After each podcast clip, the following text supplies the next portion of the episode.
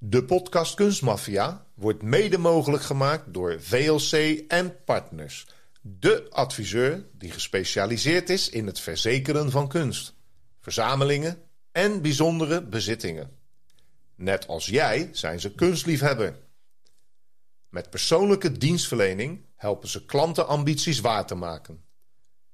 Kijk op kunst-verzekering.nl voor meer informatie. VLC en partners. Verkennen, voorkomen en verzekeren.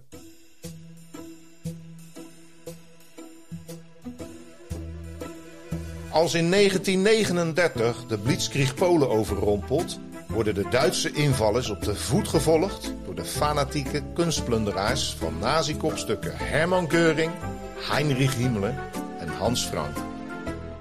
Ze raken verwikkeld in een machtsstrijd met als inzet de kunstcollectie van de steenrijke adellijke familie Czartoryski. Met als de grootste buit de drie topschilderijen van Rembrandt, Leonardo en Raphaël. Raphaëls geroofde meesterwerk is als enige nog altijd spoorloos. Als het schilderij vandaag opnieuw zou opduiken, zou het meer dan 100 miljoen euro waard zijn. Waar is dit meesterwerk gebleven? En waar werd het als laatste gezien? Dit is Kunstmafia, een podcast over roof, vervalsing en zwendel in de internationale kunst- en antiekwereld door Rick Bouwman en Robert Tettero. Deze keer in Kunstmafia, zaak 14, de verdwenen Raphaël. Ja, en dan komt toch weer die, die onderlinge strijd naar voren.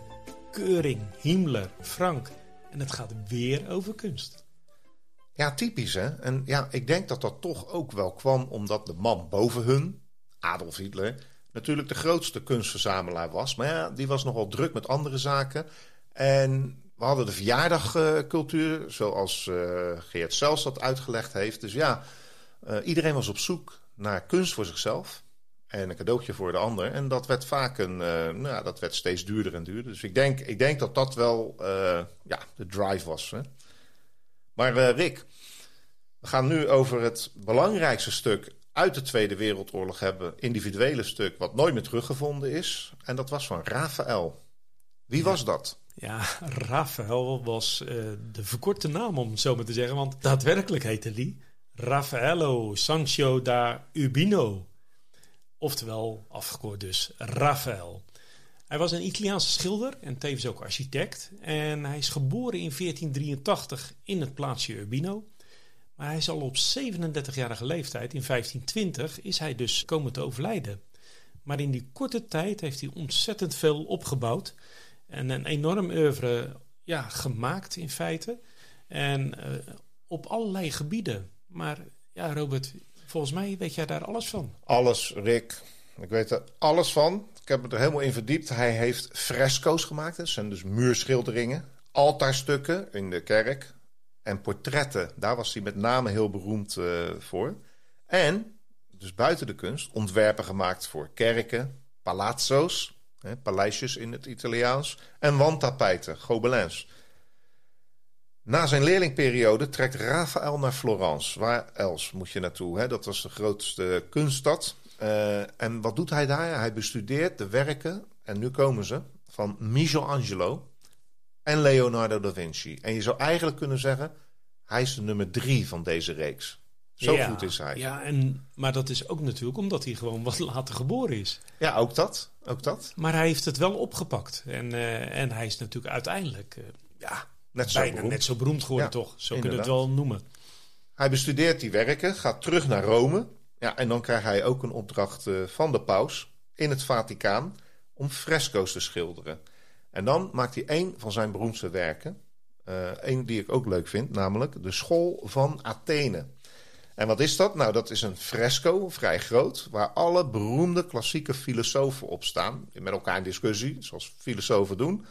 Plato, Aristoteles, Pythagoras, Archimedes, ik denk dat je ze wel kent. Ja, dat, wat is dan zo bijzonder buiten dit onderwerp? Het is uh, een perfecte compositie en een harmonie van kleuren. Het is heel kleurrijk. Een beetje vergelijkbaar met het beroemde werk van Leonardo, Het Laatste Avondmaal. Ja, en hij was ook nog eens eh, bekend om zijn kleurrijke portretten, zoals jij net aangaf.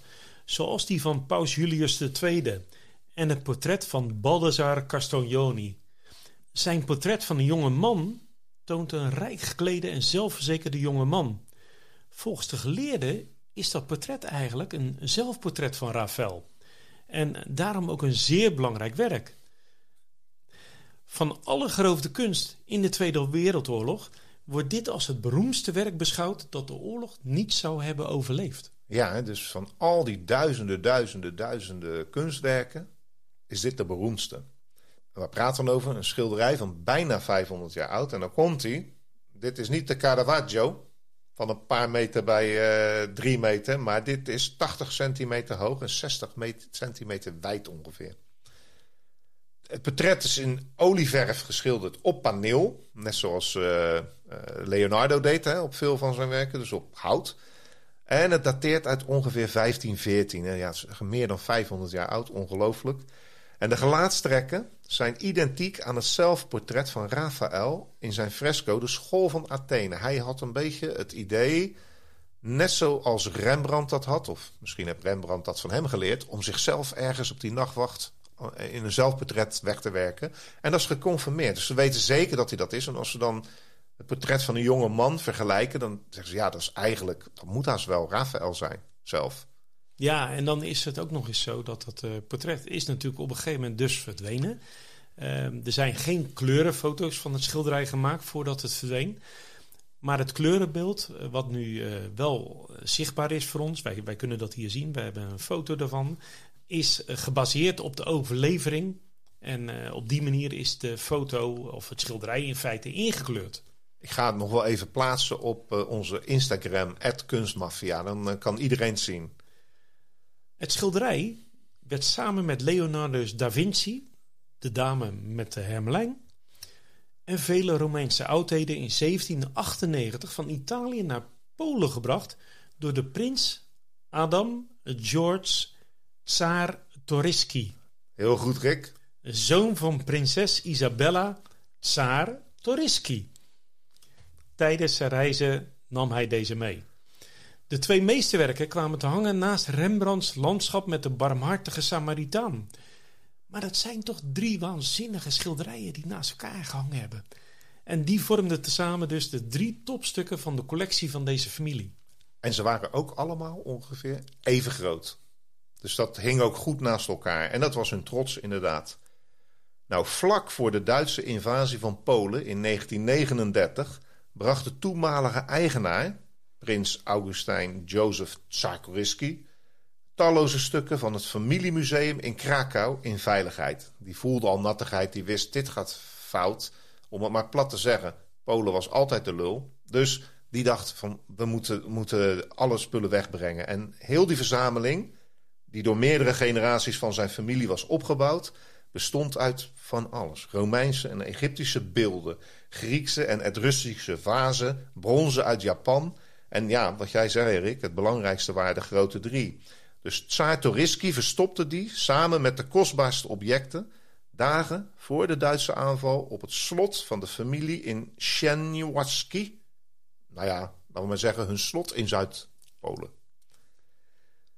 Maar we moeten ook even vermelden dat reeds in de Eerste Wereldoorlog, die uitbrak in 1914, dat Tsaar Toriski deze stuk al eerder had moeten verbergen in nota bene Dresden, om ze uit handen te houden van het leger van de Russische tsaar. Ze kwamen onder de hoede van niemand minder dan, en daar komt hij, museumdirecteur Hans Posse. Ja, daar hebben we het even over daar gehad. Daar hebben we het al over gehad, hè? Vorige in keer. Uh, de vorige aflevering. En Hans Posse, ja, die heeft ze met grootste mogelijke tegenzin aan Polen terug moeten geven na het einde van de Eerste Wereldoorlog in 1918, 1919. Inderdaad, ja. En uh, nou ja, Tweede Wereldoorlog breekt uit met die aanval op Polen. En wat gebeurt er?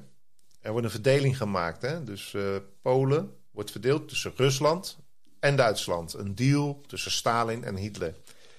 En de nazi's, ja, die gaan grondig te werk, zoals het, uh, we al eerder gezegd hebben. Zij gaan ook echt het Poolse cultuurgoed vernietigen. Dat was geen Arisch ras. Um, dus hele belangrijke monumenten worden onder vuur genomen, zoals het Koninklijk Paleis in Warschau. Nou, dan startte eigenlijk een soort van culturele rooftocht die daarop volgde. En begint de machtsstrijd tussen drie niets ontziende naties. We hebben ze al aangekondigd. Hermann Göring, voor iedereen, die bolle. En de beoogde opvolger van Hitler was hij natuurlijk. En dan hebben we Hans Frank. Hij was de gouverneur-generaal van Polen. En Heinrich Himmler, nou ja, grimmig iemand hè. Hoofd van de SS, de SD en de Gestapo. Waar die allemaal niet hoofd van was trouwens, zeg. Heinrich Himmler. Ja, de ene geheime dienst naar de andere. Het is, het is eigenlijk wat die man allemaal uh, betekend heeft. Dat is uh, bizar, ja, hè? En hij ziet er ook eng uit, hè? Met dat, ja, met dat brilletje kennen we van, hè? Ja, dat zeker, zeker. En uh, ja, dat zo iemand voor dit soort groeperingen heeft moeten moet voorstaan. Hij was dan hoofd van de, noemen ze dan de Schutzstaffel. Dat was eigenlijk een, begon als een persoonlijke lijfwacht van Hitler en groeide uit tot honderdduizenden hè, die ook aan het Oostfront gevochten hebben, echt gevreesd. En binnenin zat de Sicherheidsdienst, SD, dus een soort geheime dienst. En daarin zat weer een nog geheimere dienst, de Gestapo, geheime staatspolitie. Ik denk dat iedereen deze afkortingen wel eens gehoord heeft. Daar waar in het westen van Europa nog ja, de schijn van legitimiteit bestond, was het in Polen tijdens de oorlog echt foute boel. Het ging daar echt een stuk ruwer aan toe. Boeken, kunstwerken en andere cultuur van Joodse en Poolse herkomst stonden in de belangstelling van, daar komt hij weer, Himmlers organisaties. De SS liet meteen een lijst samenstellen van de belangrijkste Poolse instellingen, waar zijn eenheid een bezoek wilde afleggen. En dan begint het. Hè? De SS controleert elk huis, landgoed en bezit op waardevolle spullen. En in een kerk in Potsdam werden 2,3 miljoen geroofde boeken uit particuliere bibliotheken opgeslagen. Allemaal gestolen. Daarna roofden ze alle grote musea van Warschau leeg. En de SS verliet de rokende puinhopen van de stad met vikingswaarden, schedels van Neandertalers, ceremoniële bijlen, een opgezette knelkrokodil, vrijmetsers regalia en de schedel van een neushoorn uit de ijstijd en de Codex Suprasliensis, nou, even dit lijstje in het kort. Hè. Dit was een soort van archeologisch museum. En SS, een beetje occult, die was op zoek naar de roots van de Ariërs. Dus met name dit soort vreemde ja, dingetjes wat ik net oplas, dus wat ze stalen. Ja, en, uh, maar Himmler was zelf natuurlijk ook heel erg occult. Die was daar ontzettend mee bezig. Ja, dat was waar zijn aandacht met name uit ging. En vandaar ook dat dit lijstje, wat er zeg maar net opnieuw ja, een beetje aangedikt, maar dat was met name wat hij had. En alle boeken en heel veel uit de archieven. In september in dat jaar, dus 39, viel de goed geïnformeerde Gestapo, ook van Himmler, binnen op de geheime bergplaats van Tsar Koriski en nam de hele kunstcollectie in beslag. Dan zou je denken, ja, Himmler, Big Boss, nou, niet helemaal hè. Helaas, eh, voor hem dan. Hij had geen vrij spel. Daar komen we zo wel op. Herman Göring, daar komt hij. Ook zo'n uh, mooi figuur. Manieus. Uh, was namelijk niet van plan om Himmler met de hele buit er vandoor te laten gaan. Hij benoemde de heetgebakende Oostenrijker, Kajetan Mulman. En ja, die kennen we al ook uit de eerdere aflevering. De dienststeller Mulman was een bekende eh, afdeling in Nederland. En die hebben heel veel uh, schilderijen zeg maar, uh, ja, bij elkaar geharkt. Maar in ieder geval in eh, dit gebeuren komt hij naar voren als uh, speciale gezant voor de bescherming en in bewaringstelling van kunstwerken in het oostelijk bezet gebied namens Herman Guring. Mooie titel heeft hij bedacht voor hem. Ja, maar goed, Mulman was het type dat Keuring ook graag mocht. Hij was bruut en hij was hebzuchtig. Waar heb ik dat meer gehoord in, in deze verhalen? Hij had ook een licht crimineel verleden en een paar jaar gezeten voor kleine vergrijpen. Daarnaast had deze Mulman een neus voor het opsporen van kostbare kunstcollecties. Ja, en op dezelfde dag in oktober dat het Poolse leger capituleerde, arriveerde Mulman al in Warschau. Hè? Dus snel waren ze altijd, gelijk daarbovenop. En daar zag hij hoe Duitse officieren het gebombardeerde koninklijk paleis uitkwamen met trofeeën. En dat de SS'ers in de musea de vitrines stuk sloegen en leegroofden. Ja, hij leek een dag te laat. dat ging hij snel rechtzetten. Muhlman bezocht dan ook direct de nieuwe gouverneur Hans Frank. Dat is nummer drie. Die geërgerd had moeten toezien hoe Himmler zijn nieuwe koninkrijk plunderde. Frank probeerde snel een aantal verordeningen die grenzen stelden aan het mandaat van de SS en dus Himmler en dat van Muhlman juist verruimde. Hij wilde dus wat meer ruimte geven aan Geuring. Nou ja, de SS-officieren tekenden luid protest aan, maar ze konden er eigenlijk weinig aan doen. Himmler werd gedwongen zijn ondergeschikten op de vingers te tikken toen ze kostbare voorwerpen naar een opslagplaatsen in Duitsland bleven verslepen. En Rick gelooft dat bijna niet. Hè? Je ziet altijd die films en dan denk je altijd, het is goed georganiseerd, strakke organisatie. En nu vinden we steeds meer uit dat ze eigenlijk rollend over de straat gingen met z'n allen. Ja, ze, ze waren dus wel per, per sectie waarschijnlijk uh, goed georganiseerd. Maar ze hadden gewoon ook een onderlinge strijd. En ja, dat bleek ook, want uh, toen ze dus de SS hadden ingedampt, gingen Geuring en Muhlman Polen uitkomen op kunstwerken. Nou ja, hun organisaties dan. Teams van kunsthistorici gingen aan de slag in musea, universiteiten, kerken, kloosters en particuliere collecties. En Mulmans uh, stafleden, ja, die leverden geen halfwerk. Na ruim een half jaar hadden ze naar schatting al 95% van de Poolse kunstcollecties binnengeharkt. Er waren ruim 500 kastelen doorzocht, 100 bibliotheken en 15 musea. 500 kastelen, Robert. Waar, waar gaat dit over? Poolse adel. Ja, maar dit is toch niet meer voor te stellen? Wat, nee. wat er hier gebeurd is. 100 bibliotheken, 15 musea. Nou ja, misschien is dat uh, wel te verklaren.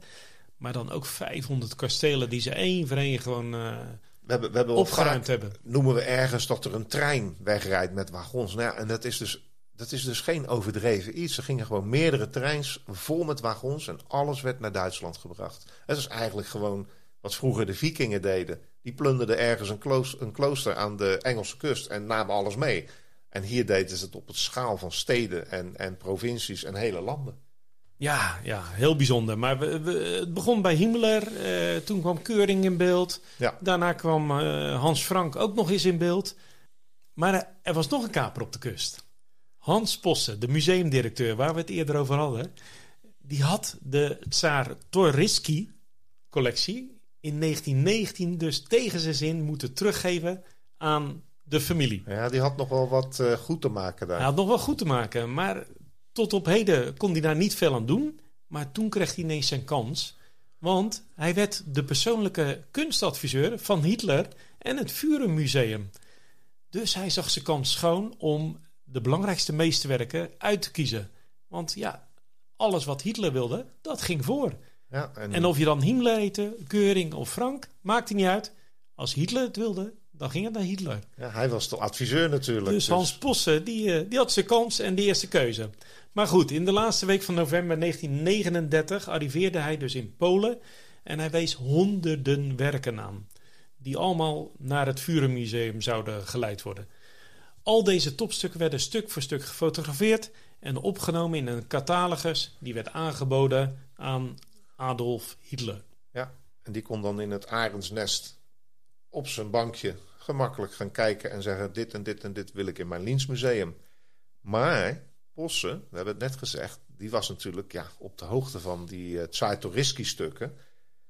De grote drie waren weg. Die had Geuring al naar Berlijn laten overbrengen voor zijn Karinhalle. Weten we het nog? De Karinhalle, zijn eigen persoonlijke museum. En dat was ook verkeerd gevallen bij de gouverneur van Polen, Hans Frank. Nou, die had Mulman gelijk de opdracht gegeven: haal die meeste werken direct terug, want het is Pools bezit en ik ben de baas van Polen.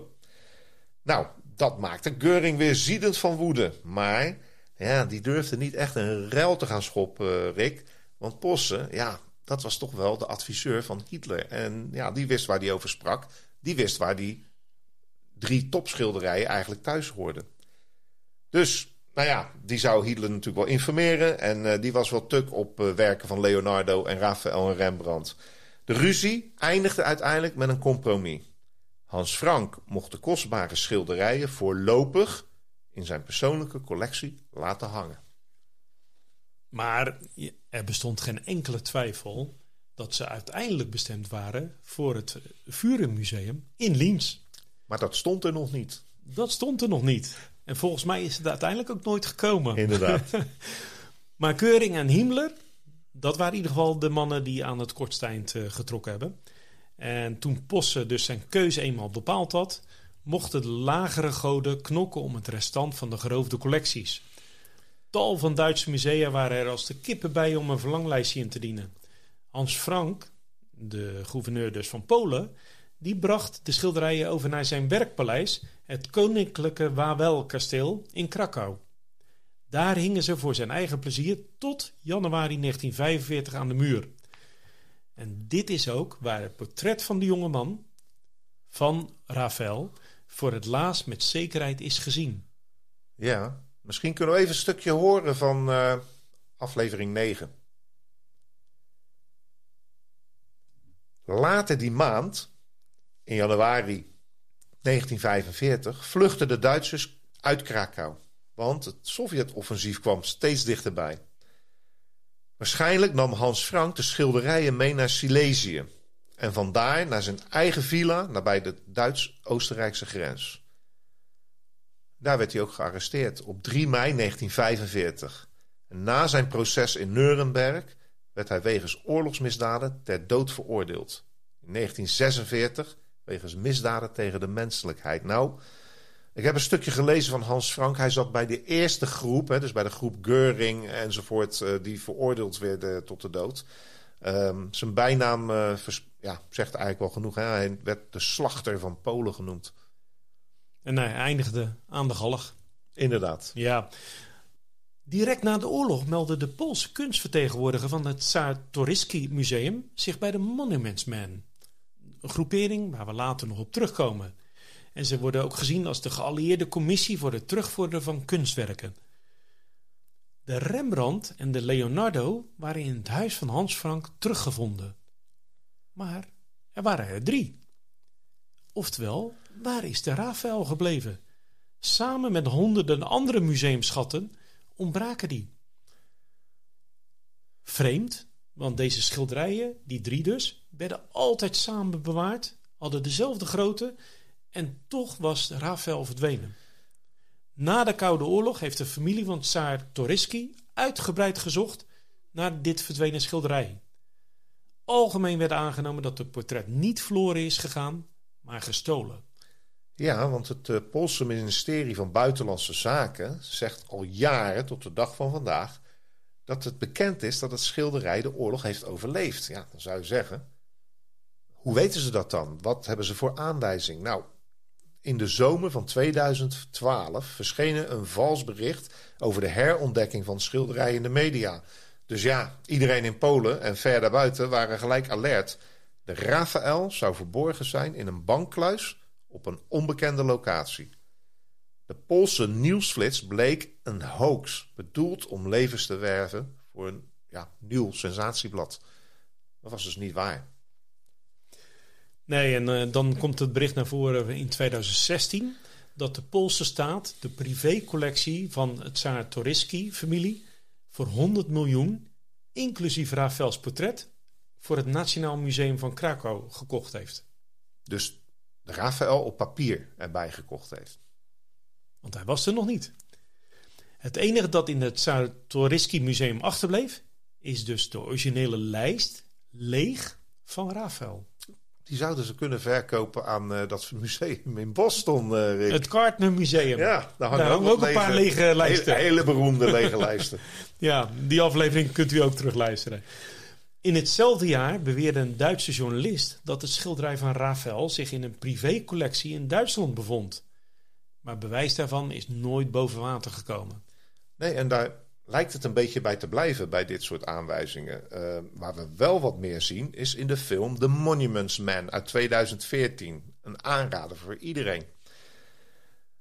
Het wordt daar, uh, de Raphaël wordt daar samen met een grote voorraad gestolen kunst in een grot of een mijn door Duitse troepen in brand gestoken met vlammenwerpers. De scène eindigt met een close-up van de Raphaël terwijl het wordt verteerd door de vlammen.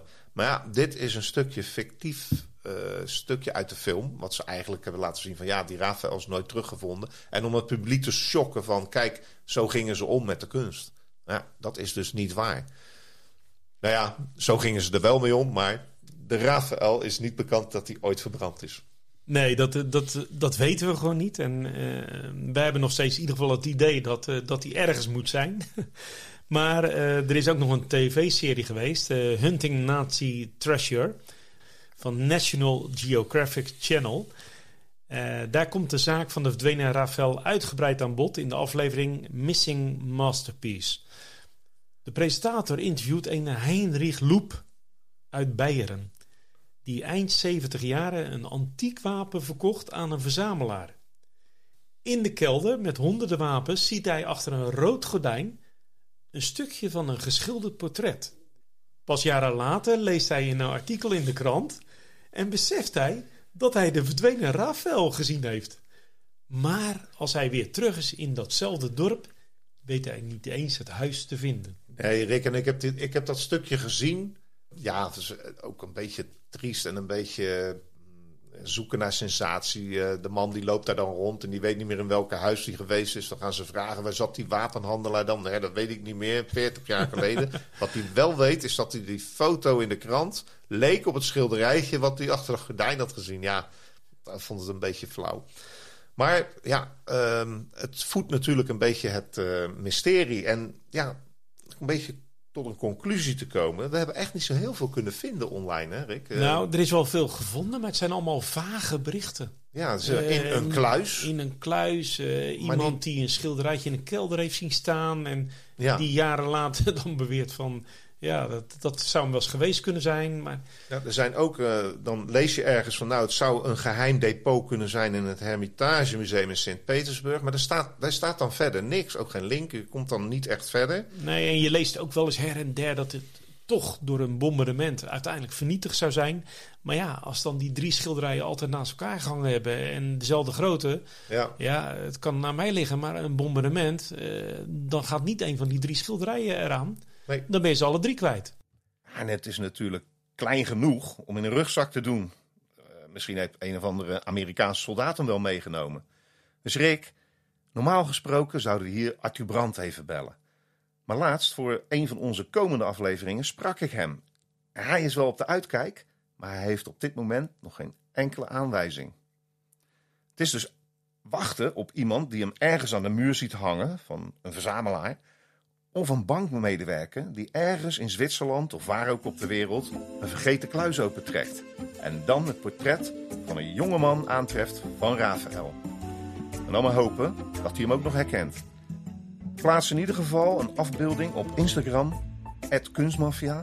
En dan wachten we het af tot misschien een van onze luisteraars hem vindt. En tot die tijd graven wij nog wat verder in de grootste kunstroof aller tijden die plaatsvond tussen 1933 en 1945. Luister jij graag naar Kunstmafia en wil je Rick en Robert ondersteunen? Ga dan, als je wat kan missen, naar fooiepot.com slash kunstmafia. En geef daar een digitale fooi. Dus fooiepot.com slash kunstmafia.